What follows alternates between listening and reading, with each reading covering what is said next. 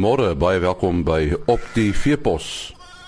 Nou, ons uh, gaan vanoggend gesels met die ontvanger van Wildbedryf Suid-Afrika se groen ekonomie. Dit is nou die 2014 toekenning. En sy naam is Zander Osmers.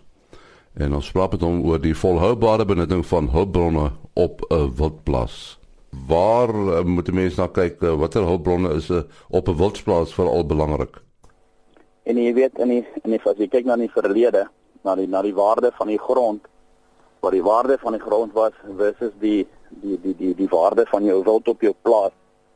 Het die ding nou so verander dat die wild het nou is nou twee keer meer waarde as wat jou grond was.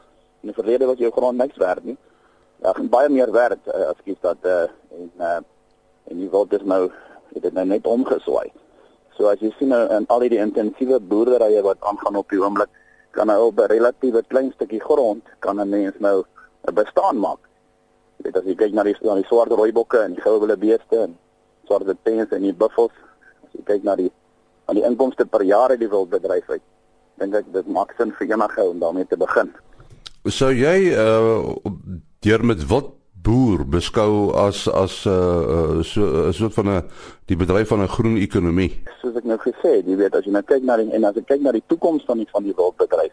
As ons sien hoe vinnig hy gegroei het oor die laaste paar jaar, jy weet ons almal wil met 'n bok boer want ons het daarmee groot geword. En almal van ons elke tweede ou nou begin nou in die in die wildbedryf inklim. Maar jy weet daar's soveel aspekte waarna ou moet kyk weet ek ek sien die toekoms in die wilbedryf is daar is daar basies twee punte wat ons na moet kyk en dit is maar oor die genetika as ons die beste genetika in die hande kan kry wat tans beskikbaar is en uh jy weet as jy die ervaring het en ondervinding daartoe het om te weet wat dit dit is geneties reg vir jou vir jou boerdery net op die eind van die dag enigiets van die spesies waarmee ons boer uh kan jy maar kyk dan moet 'n eindproduk wees. En die eindproduk op die eind van die dag gaan maar oor 'n jagbedryf. Ons wil almal goeie genetika hê om goeie horinglengtes te kan teel. En horinglengtes op die eind van die dag dis waartoe ons mik. So ek sien dit as as 'n verseker as 'n as 'n positiewe punt. Uh, jy het nou gepraat van wild uh, as 'n hulpbron. Wat wat van ander hulpbronne op die plaas? Ja, kyk ons het ons ons, ons, ons het maar 'n klomp dinge wat ons kyk in die groen ekonomie die die toekenning wat aan my toegestaan is, is maar al die betrokkeheid wat ek in die, in die, in die wildbedryf mee besig is. Jy weet ons het by die aard van die saak het ons het ons die jag wat ons oor seëse mense jag. Ons het die helikopter besigheid op die plaas waarmee ons baie betrokke is by die anti-poaching van renosters. Weet ons vlieg tot in die Kruger Wildtuin. Ons vlieg al die Balule Klaserie, Dimewati, Klas eh uh, Salati al hierdie plekke doen ons basies die anti-poaching. Ons het drie helikopters wat ons van ons van ons van die van ons spesifieke plaas af opereer nee. En dan ook nog vier pilots wat wat ek tans gebruik. So ons het 'n uh, ons het 'n klomp uh, fasette in die wildbedryf waarmee ons besig is. Van die wildboerdery af reg deur onder tot uh, tot by die helikopter besigheid As mens weer eens die wildbedryf vergelyk met met gewone boerdery met beeste dan uh, is die veld natuurlik 'n belangrike hulpbron. Hoe kyk 'n mens daarna? Ja, jy weet nie, ons het uh, oor die afgelope jare is, is ons baie bederf met die met die reënval waar ons tot 900 mm per jaar gekry het. Ons gemiddelde reënval is maar 450 mm. En ons staan tans in hierdie area waar ek is naby die Kerelwildtuin staan ons op op op 220 mm vir die seisoen wat relatief baie min min reën is en ek ek sou vir jou sê dit al wat ons regtig deurdruk hierso is maar die uh, die jagbedryf en die intensiewe boerdery van verskillende wildspesies. Mens moet uh, natuurlik uh, pas op dat mense nie jou plaas oorbevolk met wild nie, né? Dis reg. Jy weet in in in in in die klein kampstelsels soos wat ons kyk ons het hier so so so dit so oor die 2000 hektaar waarvan ons maar intensief uh so op 150 180 hektaar met wildboer met met met sewe verskillende spesies. En dan het ons op die oop plaas het ons nou die buffels en al die ander verskillende wild. So moet maar weet ons ons doen maar wildtellings deur die jaar en daarmee bepaal ons maar wat wat wat ons ons druk op die op die plaas is en wat ons moet afval. En uh, jy weet dan ook in die jagbedryf self doen ons wildtellings, jy weet op ons eie stukke grond en 3% van van ons totale populasie beskou ons as trofeewild en ons benut so 1.5 tot 2% van daai spesies per jaar. Voorsien jy dat uh, dat die wildbedryf uh, uh, in die toekoms 'n uh, rol kan speel in in voedselsekuriteit?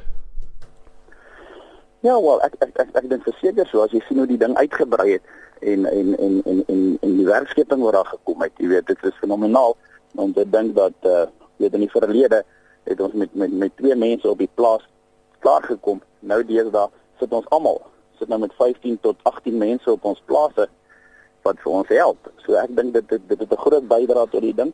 En ek, ek soos ek kan kan aflei tussen al die mense is is daar groot uh toekoms vir vir wilds wildsvleis wat wat wat wat beskikbaar gaan kom oor oor oor 'n kort tydperk, jy weet. So ek dink regtig dit eh, dit dit is baie positief.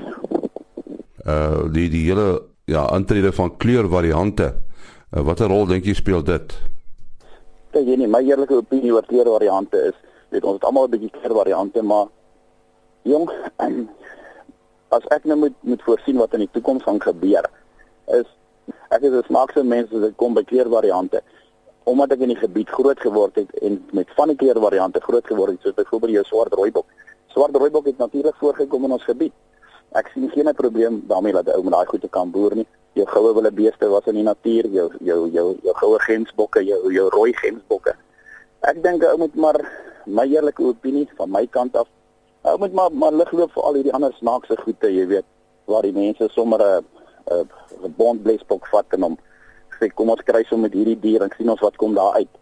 Jy weet ek is ek is teen daai tipe van goed en uh ek dink die toekoms sal nou maar maar sien El, elke ou is vir homself.